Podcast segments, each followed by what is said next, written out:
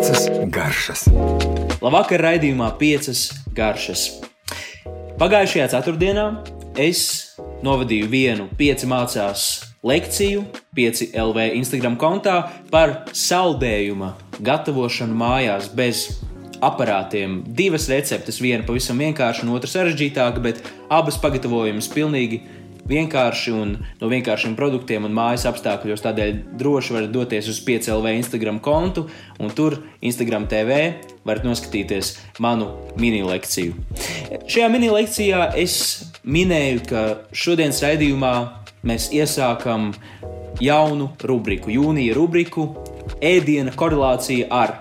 Tomēr mēs šo visu pasākumu un rubriku nedaudz pārcelsim, tādēļ, ka mēs tomēr vēl drošības apsvērumu dēļ nevaram doties uz radio un ierakstīt klātienē raidījumu. Tomēr es ar savu viesi šī vakara plānoto Jānu Šepkevicu, mm, par kuru mēs runātu saistībā ar ēdienu korelāciju ar mūziku, es vēlos šo interviju novadīt klātienē, tādēļ izlēmu, ka tas ne, tiek nedaudz atlikts. Taču neuztraucieties, tas viss notiks un ir vēl dažādas. Dažādas citas tēmas tiks skartas šajā mēneša rubrikā. Ēdienu korelācija ar veselību, ēdienu korelācija ar sportu. Tādēļ noteikti tas viss notiks. Taču šovakar es uzskatu, ka mēs pārunāsim citu ļoti aktuālu, sezonālu un nu, svarīgu tēmu. Un tie ir spārģeļi, spārģeļi produkts. Mēs šovakar aprunāsim produktu. Tātad spārģeļi un to gatavošanu. Nu, jāsaka, ka kopumā pasaulē ir zināmas trīs spārģeļu tādas šķirnes, trīs spārģeļu veidi, varētu teikt. Zaļais spārģelis, violetais spārģelis un baltais spārģelis. Latvijā tas jāsaka, nav tas zināmākais produkts uh, mūsdienās, tomēr tas pamazām atkal atgriežas pie mums, jo Latvijas laikā, 20. un 30. gados, ar visu uh, vāciešu ietekmi, mums ļoti aktīvi notika spārģeļu audzēšana, ēšana. Daudzās pavāra grāmatās ir visvisādas uh, spārģeļu pagatavošanas recepts, ja mēs tieši skatāmies uh, 20. un 30. gadu pavāra grāmatas. Un tad ar visiem padomu laikiem mēs aizmirsām, kā ēst spārģeli un ka spārģeli vispār var ēst. Spārģelis bieži vien uh, tika turpināts audzēt, audzēt dārzos, uh, un tas arī skaisti izauga kā milzīgs augs ar skaistiem ziediem, taču reti kurš Uh, reti kurš to lietoja uzturā, jo uzskatīja to par kādu puķi vai ko tādu, vai kādu tādu dekoratīvu skaistumu augu. Tāda spārģeļu audzēšana ēšanai man ir milzīgs prieks, ka pēdējo nu, kādu, nu, pēdējās desmitgades laikā mēs esam izauguši no gandrīz vispār nevienas pārdeļu audzētāja līdz jau diezgan daudziem, un visi šobrīd Spārģeļu audzētāji visiem šobrīd produkcija ir pašā zenītā, tādēļ, ko es ieteiktu, noteikti izvēlēties Latvijā audzētus spārģeļus. Atkal Latvijā audzētus pēc diezgan ilga pārtraukuma, jāsaka. Par pašiem spārģeļiem. Kāda tad ir atšķirība? Baltais, violetais, zaļais. Jāsaka, ka zaļais un baltais spārģelis, kurš ir tik atšķirīgs gan garšā, gan izskatā, Tas izrādās ir viens un tas pats spārģelis, tikai baltajam spārģelim tā visa audzēšana notiek vai nu zem pazemē, principā tā, vieg, nu, tā vienkāršot izsakoties, vai arī noklājot ar melnu plēvi, lai neviens saules stars eh, netiek klāts. Tā atšķirība tajā brīdī veidojas tāda, ka baltais spārģelis, kas ir tas pats zaļais, netiek pie chlorofila un līdz ar to nekļūst zaļš un tam izveidojas pilnīgi citādāka, saldāka, riekstaināka garša. Un tāds nedaudz patīkams rūkumiņš, to varētu dēvēt par tādu kā spārģeļu, spārģeļu un arī dārzeņu. Daudz dēvē par dārzeņu karali. Savukārt zaļajam būs vairāk tāda, tāda nu, brokoļu garša, zaļuma garša, spinātu garša. E, tas būs tāds pilnīgi citādāks nekā baltais, taču arī ļoti garšīgs un arī lieliski pielietojams. Un violetais spārģelis ir kā tāda blakus vēl viena, vēl viena tā teikt, šķirne, un tas ir violetā skaistā krāsā, un uh, tas ir arī saldāks kā zaļais. Viņš ir līdzīgs ļoti zaļajam spārģelim, tomēr uh, būs, šis violetais būs saldāks, jo tajā ir par kādiem 20% vairāk cukura nekā zaļajā. Tad kā, kas ir tas pirmais solis, kad mēs iegādājamies spārģeļus un kā iegādāties spārģeļus? Pirmkārt, jāskatās, lai šī augšņa, kas ir tāda vismīkstākā un maigākā un garšīgākā daļa, jebkuram spārģelim, lai tā būtu neievainota, nesaplēsta, nesadurta, tā nebūtu arī tā teikt, iebojājusies. Un tāpat arī ļoti labi var redzēt kātiņā, vai kātiņš ir apkaltis, tad apakšdaļa, kur ir nogriezta, vai ir sulīgs Kā, kāds, kāds, kāds ir šis spārģēlis? Un noteikti tam jābūt spīdīgam un cietam. Tad tas būs svaigs, un tad mēs droši varam to iegādāties. Ko darīt pēc tam, kad mēs esam iegādājušies spārģeli? Nu šeit gan rodas atšķirības starp balto spārģeli un zaļo vai violeto spārģeli. Balto spārģeli tam būtu jānomizo divas trešdaļas. Ja mēs skatāmies no apakšas, divas trešdaļas mēs vienkārši nomizojam kā burkānu vai kā kādu citu dārzeni, nomizojam to mizu, jo tā ir cieta un tā nebūs patīkama ēšanai. E, savukārt, e, zaļo spārģeli vai violeto spārģeli. Ja tas, šis pārģēlis ir tievs un jauns un, un, un tāds, tad mēs varam tikai noraut galiņu. Un kā mēs to darām? Šie izkoksnējušies, apkoksnējušies, eh, pārkoksnējušies gali, apakšējie tie nebūs tik garšīgi, kā mēs to varam darīt. Turot ap, aptuveni vienu trešdaļu no kāta, respektīvi apakšdaļas, mēs laužam uz pusēm un spārģēlis pārlūzīs tajā vietā, kur beidzas šis koksnēnums, un mums paliks tikai šī patīkamā, nekoksnainā spārģeļa daļa. Tad principā šos galus no tiem var izspiest sulu, un tos var izmantot uh, dažādu citu ēdienu gatavošanai. Pēc tam no šīs sulas var gatavot majonēzi, var gatavot dažādas salātu mērķus, jo garša ir lieliska un tur viss ir kārtībā. Bet tīri tādai ēšanai. Tas ir tas gals, kas mums jānorauj. Par spārģeļu, zaļo spārģeļu mizošanu. Tur domas dalās, un tā, tā kā jau arī minēju, tur arī tas atšķirās no tā, cik, cik biezs, resns Eh, precīzāks pārģēlis ir un cik eh, tas arī, nu, tā ir arī atkarīgs, cik tas ir jauns vai, vai tāds jau tāds vecāks, eh, lielāks izaudzis. Tos lielākos noteikti vēlams arī nomizot divas trešdaļas. Ar tiem tievajiem tos var arī nemizot un vienkārši tāpat pagatavot. Un kā pagatavot, es jums pastāstīšu piecas tehnikas visā raidījuma garumā, taču šajā, šajā pirmajā daļā es vēl pastāstīšu tātad, to klasiku. Tātad, pirmā, pirmā gatavošanas tehnika, klasiskākā, kā katru spārģeli gatavot klasiski. Tātad mēs esam nomizojuši, ko, kāds būs tas, tas klasiskākais pagatavošanas veids.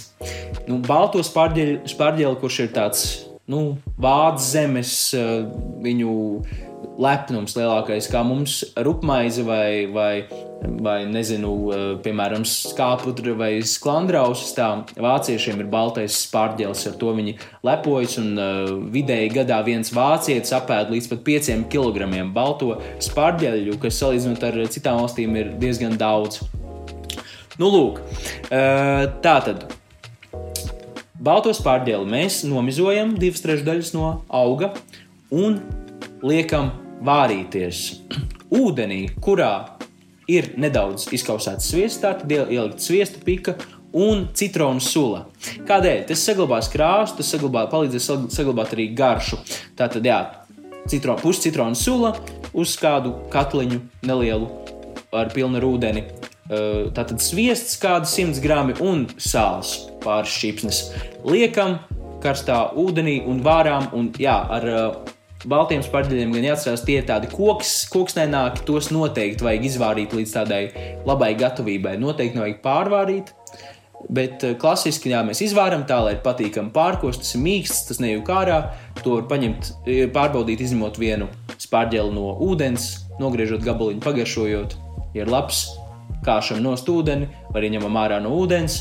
Un klasika ir pasniegta ar Holandas mērci. Tā ir tas pats klasiskākais ar kartupeļiem, ar kādu vītinātu šķīņķi un Holandas mērci vai lasi un Holandas mērci, bet Holandas mērci ir tāda klasika un nu, šī. Šī kombinācija tiešām ir tāda, ko varētu raksturot kā match made in heaven. Savukārt zaļais spārģelis, za, zaļais un vieltais spārģelis, to mēs varam gatavot pilnīgi identiski, un, un tur nekādas atšķirības nav kā es, kā es jau teicu, noraujam šos koksainos galiņus, vai nu mizojam, vai nu nemizojam. novārām arī ūdenī. Tur arī var likt sviestu un, un citronu sulu un sāli. Tas gan šajā gadījumā nav tik izšķirīgi, nav tik uh, svarīgi. Ņemam ārā no ūdens un pasniedzam, kā jau es minēju, ar šīm sastāvdaļām, uh, ko es jau pieminēju ar balto spārģeli, var arī benedikta olu. Uh, zaļais spārģelis lieliski piestāv steikam, dažādām gaļām, zivīm. Tas ir kā, tas principā spārģelis gan, nu, bal, balto spārģeli ja mēs uzskatām, tad tas parasti būs tāda ēdiena, tas, tas, tas pamatā tā zvaigzne, kas spīd. Zaļais spārģelis var būt uh, gan kā lieliska piedeva, kādam steikam vai zivī vai olām, gan arī kā, kā, kā galvenās lomas tēlotājs šajā ēdienā. Arī visu mēs varam būvēt ap šo spārģeli, bet uh, jā, tā ir tā klasika. Apvārīt un pasniegt uzreiz. Par pārējiem gatavošanas veidiem, lieliskajiem pastāstīšu turpinājumā. Piecas garšas. Vēl viens veids, kā mēs varam pagatavot spārģeļus, ir tos negatavojot, nekādā veidā termiski neapstrādājot. Un mēs varam svaigā veidā spārģeļus izmantot salātos vai arī ātri iemarinātus. E, bet pats svarīgākais, jā, ka svaigā veidā mēs varam izmantot, diemžēl, gan tikai zaļos vai violetos, jo baltais spārģelis svaigā veidā būs pārāk koksnains un, un e, garšas ziņā arī nebūs tik, tik pārliecinoši svaigā veidā, kā tas, kā tas ir pagatavots. Bet zaļos un violetos spārģeļus mums pirmkārt svarīgi ir ļoti smalkā veidā plāni, plāni sagriezt. Un kā to mēs varam izdarīt? Pavisam ideāli būtu, ja jums mājās ir mandolīna, kur, uz kuras mēs varam ar ļoti aso asmeni ļoti plānas, tādas lentas, lentas garaniski griežot, sagriezt un tās mēs varam svaigā veidā izmantot uh, gan salātos, gan uz maizītēm, gan kur citur, gan vienkārši uzliekot virsū ēdienam. Ieteiktu nedaudz apmaisīt ar eļļu, citronu sulu vai kādu ļoti labi ar kādu mm, garšpilnu eļļu, ko mēs esam vai nu paši pagatavojuši vai iegādājušies, sāli, pipariem, citronu sulu. Un tā ir tāda svaiga, viegla marināde, kuru mēs varam izmantot. Bet, ja jums nav mandolīnas, neuztraucieties, pavisam vienkāršā veidā mēs varam izmantot mūsu klasisko parasto dārzeņu mizotāju un vienkārši garniskā veidā, nedaudz uzspiežot, iegūt ļoti skaistas, plānas, tādas garniskas lentes, kuras mēs varam mierīgi iekļaut salātos. Ļoti patīkama tekstūra, patīkama svaiga garša, arī rīkstaina.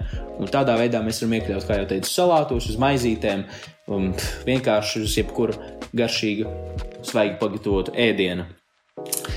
Nākamais eh, pagatavošanas veids ir cepšana, fritēšana un grilēšana. Es to visu iekļauju tādā vienā kopumā, jo tas tomēr eh, viss ir diezgan līdzīgi. līdzīgi mēs eh, panākam efektu, izvelkam līdzīgu garšu no spārģeļa. Kad mēs grilējam spārģeļus, tad svarīgi tomēr būtu atcerēties tos pirms tam apvārīt. Vai arī, jā, jo, jo ja mums ir tikai šī tiešā uguns, tad ātrāk spārģeļi apdegs nekā pagatavosies. Tas attiecas gan uz, uz visiem trīs veidiem. Nedaudz apvāram 5 minūtes, varbūt pat mazāk, un tad apklājam ar eļļu un liekam uz uguns. Ja mēs cepam, tad varam arī iepriekš neapvārīt sviestiņā, vienkārši apcept kopā ar ķiploku un timijānu, piemēram. Nekas cits nebūs nepieciešams. Sāls, pipari un, un, un garša ziņā būs ideāli tāpat. Par fritēšanu runājot, tā var būt izcila ballīšu uzkoda. Ja mēs iepriekš nofritējam, pagatavojot tādu tempuras mīklu vai kādu citu panējumu mīklu, kur tā tad var būt, tā, tur var būt ola un milti atsevišķi, tur var, var būt jau gatava tā tad, tāda tempuras veida mīkla, kur sastāvā ir gāzēts ūdens. Tās mīklu receptes ir internetā pieejamas visus ādas, taču svarīgi ir, ka mēs jā, nofritējam, nofritējot šo spārģeli, mēs to pagatavojam un mēs reizē to pasniedzam jau ar tādu kā maizes kārtiņu. Un, ja mēs esam nofritējuši tādu garanu, lieliski, lieliski pagatavotu, eh, labā eļļas kvalitātē un labā temperatūrā pagatavotu spārģeli, pēc tam mēs izņemam no šī fritiera vai no katliņa, kurā mēs esam fritējuši, un mēs varam pasniegt kopā ar mērci. Tad mēs varam vienkārši mērcēt iekšā šo spārģeli un kādu, kādu sāļu patīkamu mērci, varbūt majonēzi pašgatavotu vai ko citu, varam izmantot kā, kā mērķis pamatu un iemērcam un kožam un ēdam. Un tas ir tāds lielisks uh, ballīšu, ballīšu tāds ēdiens, liels ballīšu uzkodu, kur mēs varam izmantot.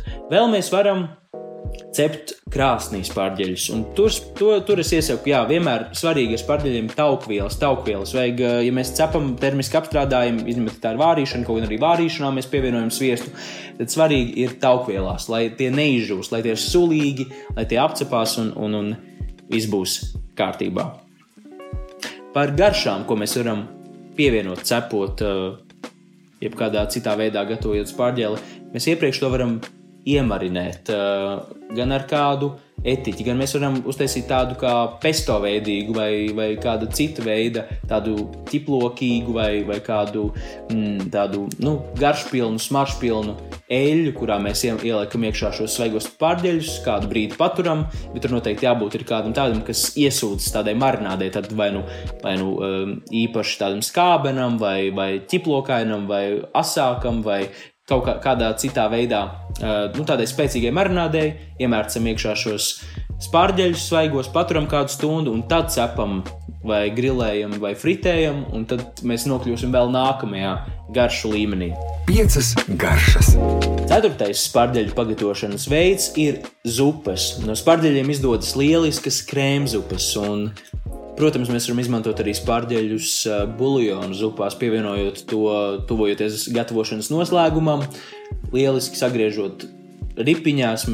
Būs, būs lieliska garša, tomēr tieši krēmzupa, gan zaļo, gan, gan balto spārģeļu krēmzupas, tās, tās būs visgaršīgākās. Es tieši vēlētos izcelt bar, balto spārģeļu krēmzupu kur sastāvā ir, protams, piena saldais krējums un, un tā garša ir tāda ļoti rīkstaina. Man kaut kur atgādina, nes kāpēc bērnība, bet tāda šī saldi, sāļi, um, tāda rīkstainā, nedaudz rūkstošā garša, manuprāt, ir vienkārši izcila.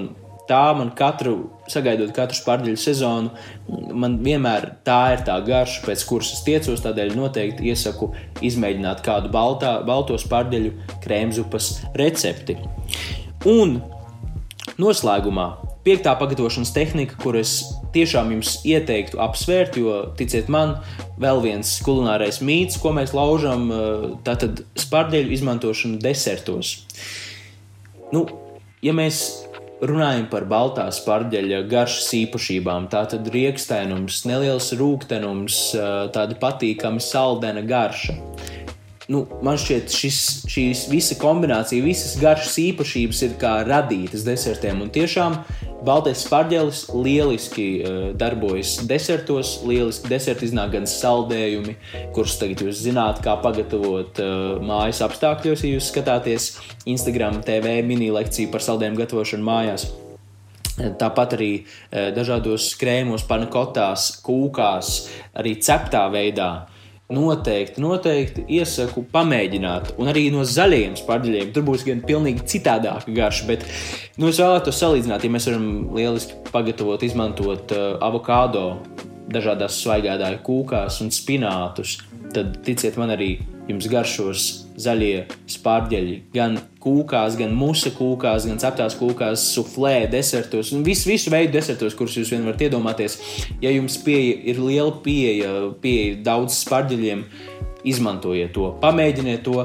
Un kur nu vēl sezonālāk pārsteidziet savus draugus, savus, savu ģimeni ar kādu lielisku spārģeļu deserta recepti. Un, ko es noteikti eh, pats mēģināšu šajās pārdeļu sezonā iespēt un iesaku arī jums, visiem gardēžiem, pamēģināt, ir uh, uztaisīt tādu kā spārģeļu mīlestību, spārģeļu maltīti, spārģeļu tādu vakaru ar draugiem, ar ģimeni un pagatavot, piemēram, uzkodā krēmzupu, tad kopā ar kādu holandas mērci vai kādu steiku vai zīvi kopā sacept spārģeļi, varam arī spārģeļus salātos un beig beigās spārģeļi desertā.